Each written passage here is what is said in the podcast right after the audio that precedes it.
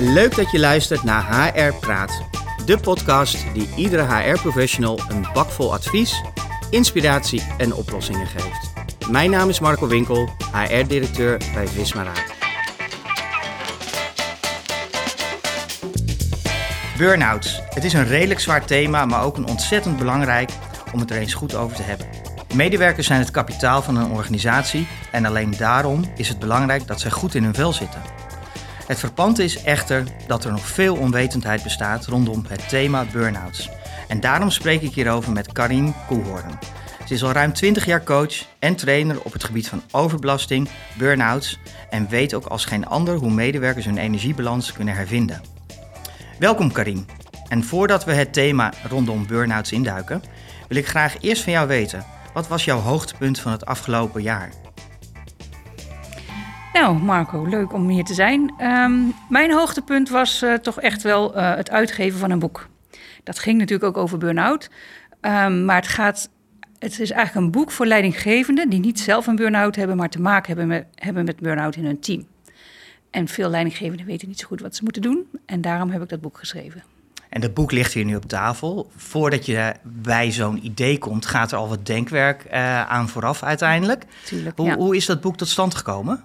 Nou ja, in mijn werk als coach uh, merk ik heel vaak dat uh, de medewerkers die ik dan zat te coachen last hebben van hun leidinggevende.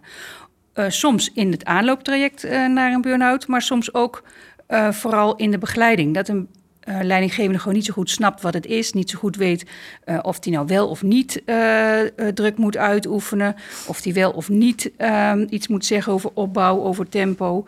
Um, ja, veel leidinggevenden zijn gewoon een beetje onthand. En um, ja, dat was eigenlijk de aanleiding dat ik op een gegeven moment dacht van het is handiger om hier dit gewoon bij elkaar te zetten. Wat ook meespeelde is dat als je als leidinggevende er iets over wil vinden op internet, dan moet je echt je informatie bij elkaar sprokkelen. Het, is, het staat er allemaal wel, maar moeilijk te vinden. En um, nou, dit is gewoon echt een heel handzaam boek en heel praktisch. Daarin denk ik ook voor HR-professionals natuurlijk goed om te weten om eens vanuit de stoel van de leidinggevende uh, te kijken hoe je er naar, naar, kan kijken. Ja, dat. En als HR-professional ben je natuurlijk. Ik, mijn ervaring is, die zijn veel beter geëquipeerd om uh, dit op te pakken. Maar um, je hebt je leidinggevende nodig om het uiteindelijk voor elkaar te krijgen. En dan zie ik dat sommige HR-medewerkers gewoon met hun handen in het haar zitten van hoe krijg ik mijn leidinggevende goed toegerust. Nou, ik herken dat heel duidelijk uh, uh, natuurlijk als HR-professional. Dat manager snel zegt, ja, maar hij moet weer beginnen. En een beetje snel graag uh, uiteindelijk. Ja, maar het is iets anders dan een gebroken been of een gebroken knie ja. uiteindelijk ja. daarin. Ja, maar ook andersom komt voor. Dat zien wij ook best wel vaak. Dat een leidinggevende denkt, oké, okay, dit is een burn-out. Um, nou, deze moet, medewerker moet eerst maar gewoon thuis zitten. Ik weet ook niet wat ik moet doen. En laat maar rusten. En dat is niet handig in het begin. En um, ja, leidinggevenden hebben daar geen handige ideeën over. Nee. Nee, en helemaal denk ik nu door middel... en hopelijk gaan we nu de komende periode wat meer naar kantoor... maar het thuiswerken zal er zeker niet aan bijgedragen hebben... Uh, door het, nee. de afstand die dan de medewerker met de manager ervaart. Uh, ja, dat speelt een rol. Al moet ik zeggen, voor sommige mensen was thuiswerken ook een uitkomst. Dus die hebben een betere energiebalans door thuiswerken. Maar uiteindelijk de lange duur ervan... en uh, dat je zo lang de contact op het werk mist... en ook met je leidinggevende en maar ook met je team... dat werkt niet zo goed uit voor de meeste nee. mensen. Nee, wij merken heel duidelijk bij ons dat de werk-privé-balans verbeterd is. Maar mensen snakken wel terug om naar kantoor te gaan. Ja, precies. Uh, 100% thuis is niet goed nee. uh, uiteindelijk. Ja. En als je voor jezelf kijkt naar de afgelopen twee jaar, was daar een dieptepunt? Um, nou, het dieptepunt kwam eigenlijk meteen na het uitbrengen van het boek. Want het is toch wel een heel uh, karwei. En daarna had ik gewoon um, zelf eigenlijk een energiedip. Ja, dat was niet zo leuk om te constateren. Want natuurlijk, hè, je hebt dat boek net, je wilt graag uh, het hele wereld vertellen.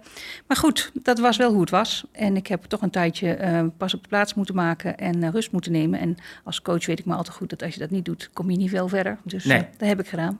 Ja, dat is een ja. wijze les in ieder geval voor onze luisteraars ja. uiteindelijk erin. Wat interessant op dit moment is dat, dat vanuit het CBS blijkt dat de leeftijdsgroep 18 tot 25 uh, 20 uh, op dit moment inderdaad enorm veel impact op hun sociale welbevinding uh, ondervindt. Hè, maar ook inderdaad vanuit de coronacrisis groot is. Um, ze laten zien hoe ze zich voelen, maar um, zien ook wel in dat ze stappen moeten maken op dit moment. Omdat ja, het, de afgelopen twee jaar heeft in hun beleving stilgestaan. Ja. Ehm, wat, voor, wat voor adviezen, tips heb jij voor werkgevers of HR-professionals die op dit moment luisteren, specifiek voor die doelgroep? Wat moeten zij nou doen? Nou, ehm, het is gewoon belangrijk om je te realiseren dat um, jongeren in een leeftijdsfase zitten waarin contact met anderen heel erg belangrijk is. Het peer group contact. Dat is gewoon belangrijk voor de ontwikkeling. Dus het is niet raar dat jongeren het gevoel hebben inderdaad stil te staan. Maar het werkt ook echt gewoon depressiviteit in de hand. Um, ook daar zijn verschillen tussen zeg maar, de extraverte mensen hebben er gewoon echt veel meer last van gehad dan de introverte mensen. Maar um, ja, die ontwikkelstap die is er niet. Dus terug naar kantoor is juist ook voor jongeren heel belangrijk. Um, maar wat jongeren ook heel erg nodig hebben, want ze zijn natuurlijk starters op de arbeidsmarkt, is gewoon begeleiding. Gewoon goede begeleiding. En dat was ook veel moeilijker. Uh, er zijn jongeren die zijn gewoon gestart online en na een half jaar waren ze nog steeds online, na een jaar nog. En dat je ook heel goed kijkt als organisatie van hoe kunnen we zorgen dat die jongeren echt worden meegenomen. Um, dat ze niet alleen het vak leren, maar dat ze ook leren hoe ze moeten werken.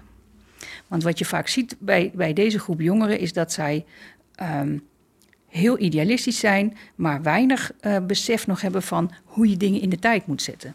Dat ze, dat ze nog niet geleerd hebben dat bepaalde dingen, dat je daar gewoon tien jaar over doet om dat te bereiken. En dat zij dat allemaal dit jaar gedaan willen hebben. Ze hebben ook een groot gevoel van urgentie. Dat komt natuurlijk door de klimaatsituatie. De oorlog uh, die vorige week begonnen is, draagt er ook weer aan bij. Um, waardoor ze het gevoel hebben van we moeten nu actie komen, we moeten nu allemaal doen, want straks is er niet meer. Um, ja, en je moet toch echt de jongeren leren om het in de tijd te zetten. Hoe urgent de zaken ook zijn. Wat kan HR daarin betekenen? Um, nou, ik denk wat heel belangrijk is, is de aandacht aan geven. Wat heel belangrijk is, is je leidinggevende goed toerusten. Um, want uiteindelijk zijn het toch de leidinggevenden die de directe contacten hebben. Dus leidinggevenden helpen om het gesprek eraan te gaan. En niet alleen maar de, de werkinhoudelijke gesprekken, maar ook van hoe gaat het met je? Uh, wat zijn je plannen? Wat zou je willen bereiken? Uh, hoeveel tijd trek je daarvoor uit? Een stukje te vertellen over je eigen loopbaan. Uh, je eigen moeite, moeiten, zeg maar, die je hebt gehad. Um, dat soort zaken. En dat is voor veel leidinggevenden lastig. Zowel qua tijdsdruk, leidinggevenden hebben echt meer te doen, um, als qua het aangaan van het gesprek wat wat meer richting emotionele en persoonlijke zaken kan komen. Ja, nee, herkenbaar. Ik merk dat ook aan mijn kinderen. Die staan eigenlijk uh, 24 uur aan. Ja. Dat heb ik afgelopen week op de vakantie ervaren.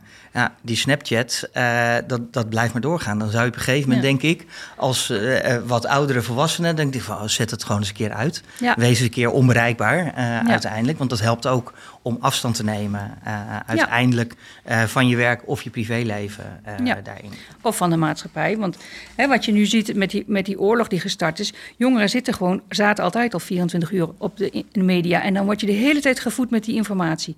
Dat is op een gegeven moment niet goed voor je. Nee, ik herken dat ook. op het moment dat je heel veel uh, informatie tot je krijgt, dan ben je op een gegeven moment verzadigd uh, ja. daarin. Ja. En dat moeten ze ook van hun leidinggevende leren, vind ik, hoe je daarin uh, temporiseert. Ja, heel goed. In iedere podcast bespreken we ook ehm, wat Amerikanen zo heel mooi noemen een fuck-up. Um, ik ben ook erg benieuwd als je nou kijkt inderdaad in jouw hele carrière. Is er wel iets misgegaan en wat heb je ervan geleerd? Ja, nou, um, dat is best wel een gevoelig ding. Um, wat er bij mij nou, mis is gegaan, maar wat, wat voor mij echt veel impact heeft gehad, is dat ik um, uh, jaren geleden al maar een leidinggevende heb gehad met wie het niet liep. En het was uh, een collega die mijn leidinggevende werd. En ik had het dus gewoon ook niet aanzien komen, niet verwacht. Maar nou ja, als ik het samenvat, er was veel passieve agressie in de relatie, in de werkrelatie. Um, en dat heeft er echt wel ingehakt. Um, zeg maar, ogenschijnlijk wat er boven de tafel gebeurde, denk je van nou, wat is hier aan de hand? En onder de tafel gebeurde er van alles. En daar had ik echt heel veel last van. Dat, ja. Um, dus voor mij was het wel heel erg moeilijk om te begrijpen toen wat gebeurt hier met mij. Wat gebeurt er in de relatie? Dat ik dacht van nou, ik ben toch, heb toch echt wel wat uh, vaardigheden in relatie, zou ik maar zeggen. Het is mijn vak. En uh, tegelijkertijd um, ja, uh, kreeg ik er helemaal geen grip op. Heeft lang geduurd voordat ik snapte wat er aan de hand was. Pas na een jaar of twee had ik door van oké, dit is de dynamiek die tussen ons speelt en ehm, die voor ons allebei denk ik heel ongezond was. Ehm, maar dat ik nog niet wist wat ik eraan kon veranderen. En ja, die impact, passieve agressie heb ik ervan geleerd, is ook agressie. Het was voor, mij, in, voor mij was het grensoverschrijdend. Maar het allermoeilijkste was dat ik in mijn organisatie geen gehoor voor vond.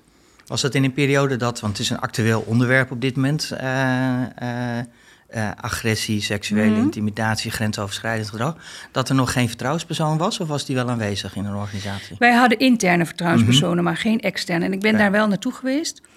Maar goed, ja, die kenden de betreffende leidinggevende net zo goed.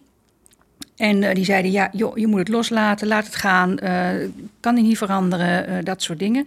Ja, daar schiet je dus helemaal niks mee op. En um, ja, dat vond ik gewoon heel moeilijk. Mm -hmm. ik ben ook natuurlijk naar PNO gegaan.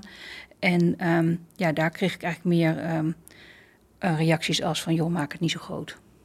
Dus dat was wel pijnlijk. Ja, dat kan me goed voorstellen. Ja. Als het nou weer gebeurt, kijk je er nu anders tegenaan?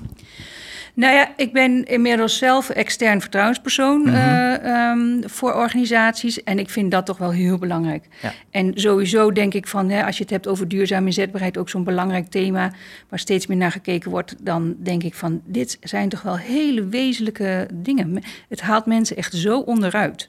Agressie en pesten en intimidatie en, en um, discriminatie dat moet je niet onderschatten. Of, ja, eigenlijk is dat kun je gewoon niet onderschatten als, als uh, organisatie. Doe er wat aan. Dat is ja. echt. Nee, het is, het is een heel actueel onderwerp. Maar ja. ook inderdaad een heel ongrijpbaar onderwerp, vind ik altijd als HR zijnde. Dat is ook voor ons de reden dat wij een interne en een externe vertrouwenspersoon hebben. Om ja, van beide kanten uh, medewerkers de mogelijkheid te geven om ergens naartoe te gaan. Uh, ja. ja. Dus dat, uh, maar het is een actueel onderwerp uh, ja. wat herkenbaar nou ja, is. Het is inmiddels dus echt jaren geleden en nog steeds uh, ga ik van tijd tot tijd naar een therapeut mm -hmm. om hiermee te leren dealen. Ja. En dat vind ik, dat denk ik van wow, dat is echt, dat is echt wel pittig. Ja. En dan denk ik, als coach ben ik echt wel um, gewend om in mezelf te kijken en, en, en, en, en te zien wat er gebeurt. Maar het doet gewoon zoveel met je. Ja. ja. Nee, maar dat kan me heel goed voorstellen, uh, ja. uiteindelijk. Uh, een ander onderwerp wat ik, wat ik tegenkwam is dat de duur van een burn-out stijgt. Uh, ja. Die gaat best wel uh, groot omhoog, hè, van 242 dagen naar 290 dagen. Dat is een aanzienlijk aantal, hè, bijna een jaar ja. voordat mensen uiteindelijk weer kunnen reintegreren. ik lees ook inderdaad dat in de zorg het ziekteverzuim nog steeds heel hoog is. mensen daar nog steeds kampen inderdaad met uitvalsverschijnselen. Um, is dat alleen in de zorg of zeg je nee, dat is eigenlijk, ik ervaar dat in heel BV Nederland? Nou, het, het maakt echt wel uit hoe zwaar uh, deze uh, branches getroffen zijn in de uh, coronaperiode. Want de afgelopen twee jaar is heel zwaar geweest voor de zorg, maar ook voor het onderwijs. Daar zien wij het ook echt heel hard omhoog gaan. Maar wat je ook ziet, van de zorg weet ik niet zeker, maar in het onderwijs zie je het zeker, dat mensen gewoon weggaan. Dat ze gewoon zoiets hebben van dit wil ik niet meer. Um, ik weet niet of dit nog goed komt. En die gaan naar andere uh, sectoren toe. Um, wat betekent dat de achterblijvers dus nog harder moeten werken. Um, dus, dus dat zijn hele uh, gevaarlijke uh, cycli, zeg maar, die ontstaan. in andere sectoren heb ik niet de indruk dat het nou zoveel uh, meer is. maar goed, ja, weet je, Burn-out is altijd een samenspel van heel veel uh, factoren, zowel privé als in de organisatie. Dus het is ook niet. Corona is er één van en in de ja, zorg en onderwijs zijn gewoon zwaar getroffen daarin. Ja, maar ik kan me ook echt wel voorstellen dat in die twee sectoren het anders is. als je kijkt uiteindelijk in de zorg vanwege de werkdruk, maar ook vanwege het onderwijs, uh, natuurlijk het, het wisselende taakpakket, uh, ja. online, offline lesgeven. Nou, de improvisatie die daar gevraagd is, is echt gigantisch. Ja. Ja. Wij als organisatie uh, zien dat al als een uitdaging, terwijl wij een IT-organisatie zijn. Maar ik kan me voorstellen vanuit een school of een andere zorginstelling dat, dat je sommige dingen kunnen ook niet online. en dan zou je toch anders moeten anticiperen. Ja, nou ja, en wat in die sectoren ook vind ik altijd een rol speelt, is het type mensen wat daar werkt. Dus je werkt altijd met kwetsbare doelgroepen, kinderen, ouderen, uh, zieken. Um, en de mensen die daar werken, die willen daar het beste voor geven. Die willen niet dat die doelgroep tekort komt. En heel vaak uh, doen ze dat dan ten koste van zichzelf. En dat hou je uiteindelijk niet ja. vol. Denk je dat door corona die golf van burn-outs toeneemt? Nou, wij hadden in het begin uh, gedacht van wow, dat is pittig en dat zal wel gebeuren. En dat gebeurde niet. Um, en vermoedelijk is dat ook omdat er heel veel onzekerheid was. En dan zijn mensen geneigd om um, uh, door te werken en vooral uh, niet kwetsbaar te doen. Naarmate de corona overgaat, zie je dat mensen het of niet meer volhouden of het gevoel hebben van ja, oké, nou ja, nu, nu gaat het niet meer. Dus of ze gaan weg of ze worden alsnog ziek. Maar nu deze week de oorlog is uitgebroken, ben ik benieuwd wat voor effect dat weer heeft. Want ook dat schept weer heel veel onzekerheid. En zou wel voor kunnen zorgen dat mensen zoiets hebben van... oké, okay, we gaan nu uh, hebben we, houden wat we hebben. En, um, maar goed, het is wel na twee jaar corona, dus uh, je moet het nog wel op kunnen brengen. Ja, en welke factoren zie jij nog meer bij, uh, bij burn-out klachten? Die inspelen erop? Nou, de omgevingsfactoren zijn heel belangrijk. Daarnaast heb je natuurlijk altijd ook van hoe gaat iemand ermee om. Dus de persoonlijke factoren. Heb je een sociaal uh, vangnet? Heb je steun? Um, dat geldt ook voor op het werk. Als je steun hebt, kun je echt veel meer aan.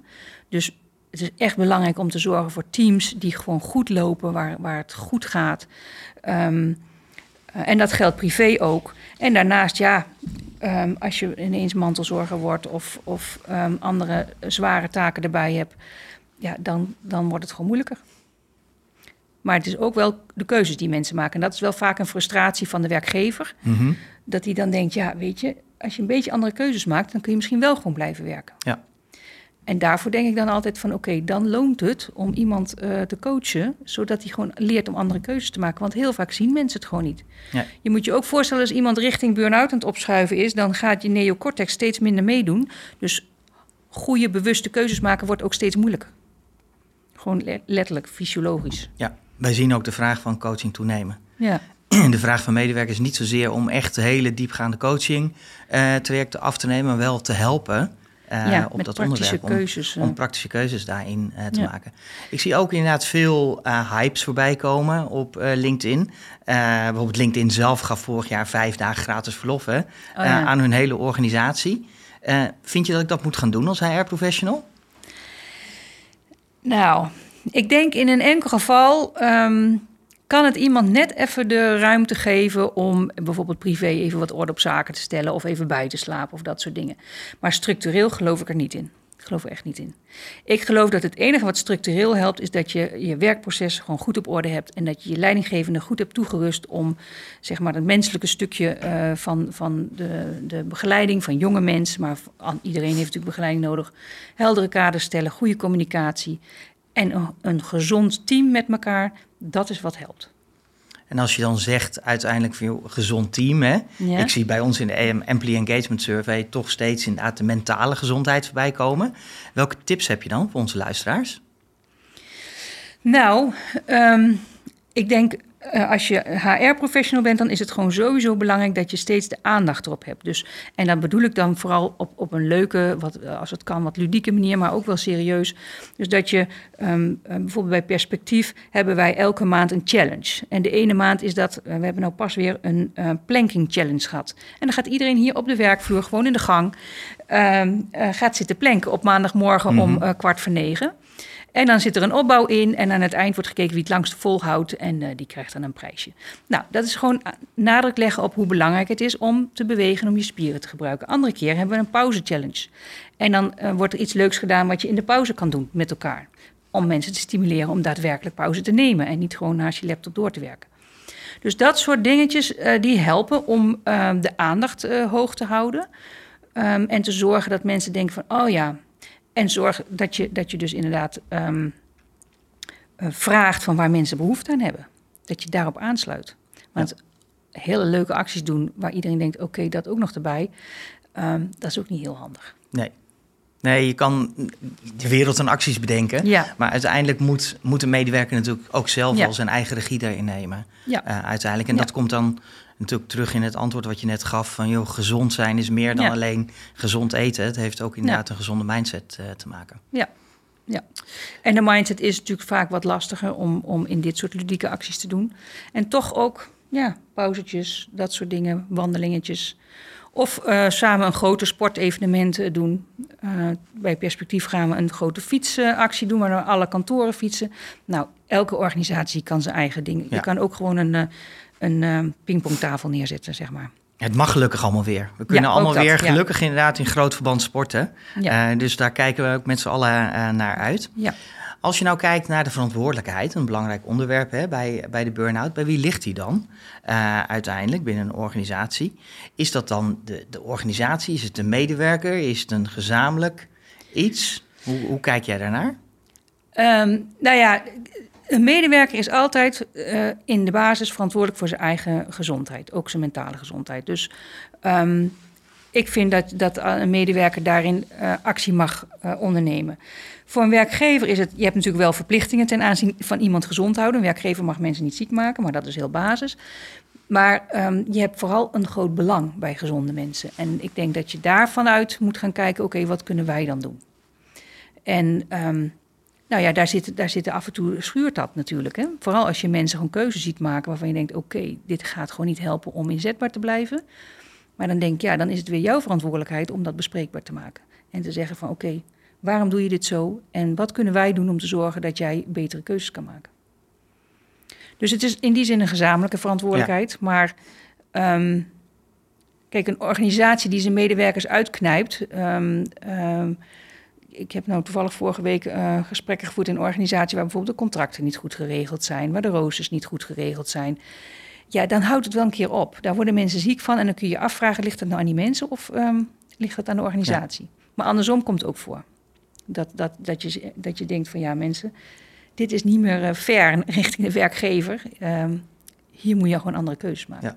Nou, ik denk dat het ook voor een groot gedeelte eh, erop neerkomt dat je ook gewoon aandacht eraan moet blijven schenken.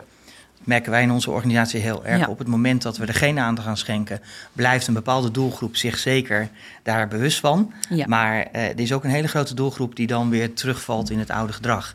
Ja. En ja, dat zal nu zometeen in een hybride vorm, eh, waarin wij in ieder geval gaan werken, nog steeds van belang zijn. Hoe hou je nou uiteindelijk de werk-privé-balans eh, toch inderdaad gewoon goed in balans? En ga sporten onder werktijd. En hoe vaak ik het ook noem, je ziet toch dat er maar een heel klein gedeelte eh, uiteindelijk denkt eh, tussen de middag van... Joh, ik ga toch even hardlopen.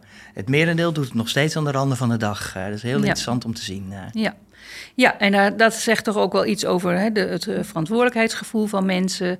Ehm, eh, ja, dat ze het idee hebben van ja, ik, kan, ik moet hier wel werken in de tijd van de baas. Want mensen werken over het algemeen thuis harder, de meeste, dan op het werk. Want hier op het werk vinden ze het normaal. Ik ben op het werk, dus ik kan best wel even een kletsje maken. Maar thuis heb je niet zomaar iemand een kletsje te maken. Dus werk je door.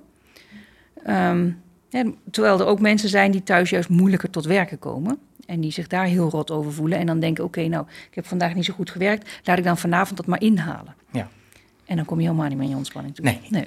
Nee, dat, die discussie eh, die zal elke luisteraar herkennen met pubers. Van, joh, zet dat scherm uit, want dan slaap je beter. Ja. Maar daar willen ze bij mij thuis nog niet aan eh, geloven, helaas. Nee, Eh. Dus dat is allemaal bullshit, zeggen ze dan uiteindelijk. Nou, we hadden het net over de verantwoordelijkheid van een organisatie. En ik denk dat het wel leuk is voor onze luisteraars. Kan je een praktijkvoorbeeld ervan geven, hoe nou zoiets verloopt? Ehm, ja, er zijn veel voorbeelden te geven. Ehm, maar een voorbeeld wat mij echt, waar ik even flabbergasted van was de afgelopen periode, is dan een eh, gesprek. Drie gesprek had ik met leidinggevende en medewerker. Medewerker was eh, vijf maanden geleden uitgevallen. eh, met burn-out, doordat hij een functie had waar steeds maar bijkwam, bijkwam, bijkwam. Een van de belangrijke redenen waardoor iemand een burn-out krijgt. Dus stapeltaken, zeg maar. Nou, die trok dat op een gegeven moment niet meer. De leidinggevende zei van, ja, je bent nou vijf maanden burn-out. Ehm, er is eigenlijk niet zoveel gebeurd, dus ja, heeft het eigenlijk wel zin dat je hier nog blijft? Want ik weet niet of je nog aan het werk komt. Terwijl die medewerker in die vijf maanden heel hard had gewerkt om van helemaal niks meer kunnen klaar te zijn om ehm, eh, weer, aan, weer te kunnen reïntegreren. En ja, ik had toen zoiets van, ja, leidinggevende, als je mijn boek had gelezen, dan had je gezien dat in de fase van herstel, er zijn drie fases van herstel en dat deze medewerker nu de eerste fase heeft doorlopen en dat we toe zijn aan de tweede fase. En daar was dat drie gesprek ook voor bedoeld. Ja. Dus dat vind ik soms, hè, die dingen kom je tegen. Er zijn vier fases van uitval, waar je elke keer zeg maar stoplichten hebt en zou kunnen zien van hé, hey, dit gaat niet goed als je eh, als leidinggevende op zit te letten. En er zijn drie fases van herstel en daar, ook die hebben bepaalde taken, ook voor jou als leidinggevende. Ehm, en ja, dat is gewoon heel handig om te weten. Dan kom je gewoon verder. Mooi. Wat zou jij HR-professionals of onze luisteraars mee kunnen geven op het gebied van preventief omgaan met burn-outs? Want daar zit waarschijnlijk ook een hele grote aandachtsveld in. Ja, nou eigenlijk heb ik dat al een beetje genoemd. Preventief werkt het gewoon het beste als je zorgt dat mensen lekker kunnen werken. En dat is natuurlijk makkelijk gezegd, Mhm. maar dan heb ik het echt over randvoorwaarden. Dus dat ehm, de sfeer in een team goed is, dat alles wat je nodig hebt om te werken, dat dat er is. En dat kan een systeem zijn, hè, waar jullie eh, goed in zijn, eh, maar kunnen ook gewoon eh, materialen zijn, bepaalde contacten, ehm, dergelijke. En eh, dat je leidinggevende ehm, ehm, zeg maar een deel van de oplossing is en geen deel van het probleem. Want dat is toch best wel jammer dat leidinggevenden best wel vaak, ehm, bijvoorbeeld omdat ze heel sterk op de taakgerichte kant gaan zitten en te weinig op de menskant, ja, mensen niet vooruit helpen als het gaat om een energiebalans. Ja. En wat wij ook zien, daar moet ik wel eerlijk bij zeggen, heel veel leidinggevenden zitten ook niet goed in hun eigen energiebalans. En als je, die kunnen gewoon de problemen van hun mensen er echt niet bij hebben. En dat is ook niet handig. Nee. Wat ik op dat vlak bijvoorbeeld wel eens meemaak, is dat leidinggevenden dan bijvoorbeeld direct verantwoordelijk zijn voor 80 man of zo. Dat ik denk, oké, hoe kun je dan nog weten hoe het met mensen gaat of eh, persoonlijke gesprekjes voeren? Het ergste wat ik heb meegemaakt was één keer een leidinggevende direct verantwoordelijk was voor 180 man. Dat was zo gegroeid. Hij was begonnen met 40 en het was uitgegroeid naar 180 en ze hebben daar nooit iets aan gedaan. Ja, die man stond echt met zijn tranen in zijn ogen met mij te praten. Eh, dat ging dan over een van de medewerkers. Eh, omdat hij gewoon helemaal niet wist hoe hij dit allemaal rondgebreid moest Nee, krijgen. dat kan me voorstellen. En 180 dan denk ik van, ik denk dan aan zo'n organisatie en denk, dat is misschien wel goedkoop, één leidinggevende op 180. maar dit wordt een duurkoop. Nee. Als die man uitvalt, dan heb je 180 man niet Ja. meer aan het werk. Ja, dat is heel raar. Maar, eh, dus dat, dat soort dingen moet je over nadenken. Van organiseer het een beetje normaal en op een manier dat mensen ehm, om kunnen omkijken naar elkaar. Ja. Dus de menselijke maat moet er wel in blijven. Ja, dat, dat blijft inderdaad een belangrijk onderwerp. Eh, eh, Ja. eh, ook een actueel onderwerp wat je tegenkomt hè, tegenwoordig in de maatschappij. Het leven zonder managers.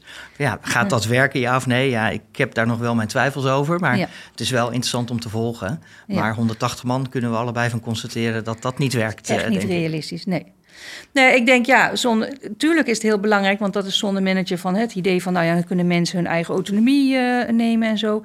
Maar in een organisatie zijn gewoon kaders nodig. Die autonomie werkt veel beter, zeg maar, de energie wordt veel beter ge- gefocust wanneer er iemand is die vertelt wat de kaders zijn. Ja. En sommige mensen hebben daar wat meer van nodig en andere mensen wat minder, maar je hebt het wel nodig. Ik denk iedereen heeft in, eh, uiteindelijk ook inderdaad eh, een beetje aandacht nodig, zeg ik altijd. En Ja. de een heeft net iets meer nodig dan de ander, maar eh, iedereen doet en groeit uiteindelijk van het, aandacht ja. daarin. Ja. Heb jij voor onze luisteraars nog een anekdote of een tip waarvan je zegt van nou, dat wil ik ze echt meegeven eh, uiteindelijk? Of zeg je van nou, we hebben eigenlijk alles wel besproken? Ehm, ja, we hebben wel veel besproken, maar nou ja, de tip die ik mee wil geven is van ehm, zorg voor jezelf. Ehm, en van wat je daarvan leert, eh, ga dat ook eh, om je heen doen. Ga, dus zorg eerst voor jezelf en dan voor een ander. Dat is wel eh, een belangrijke tip. Je kent hem denk ik van, de, van als je vliegt. Mhm. Dat de steward dan uitlegt van zorg eerst voor je eigen zuurstof en dan voor die eh, van, Ja. je, van je medepassagiers. En dat geldt ook bij het houden van balans. En dat vinden veel mensen lastig. Ehm, ja, er zijn een paar types die het heel goed kunnen, maar ehm, veel mensen vinden dat lastig. Maar dat is wel belangrijk. En dan zie je ook een beetje van ja, wat is nodig. Dankjewel. Zorg voor jezelf is een hele mooie afsluiting, denk ik, van dit belangrijke onderwerp. Eh, we zijn aan het einde gekomen van deze aflevering. Ehm, onwijs bedankt eh, voor jouw inzichten, voor jouw tips, eh, voor je anekdotes eh, die we net met elkaar besproken hebben. En wil je meer weten over burn-outs eh, onder medewerkers of andere HR-uitdagingen of thematieken, eh, ga dan naar vismaraad.nl.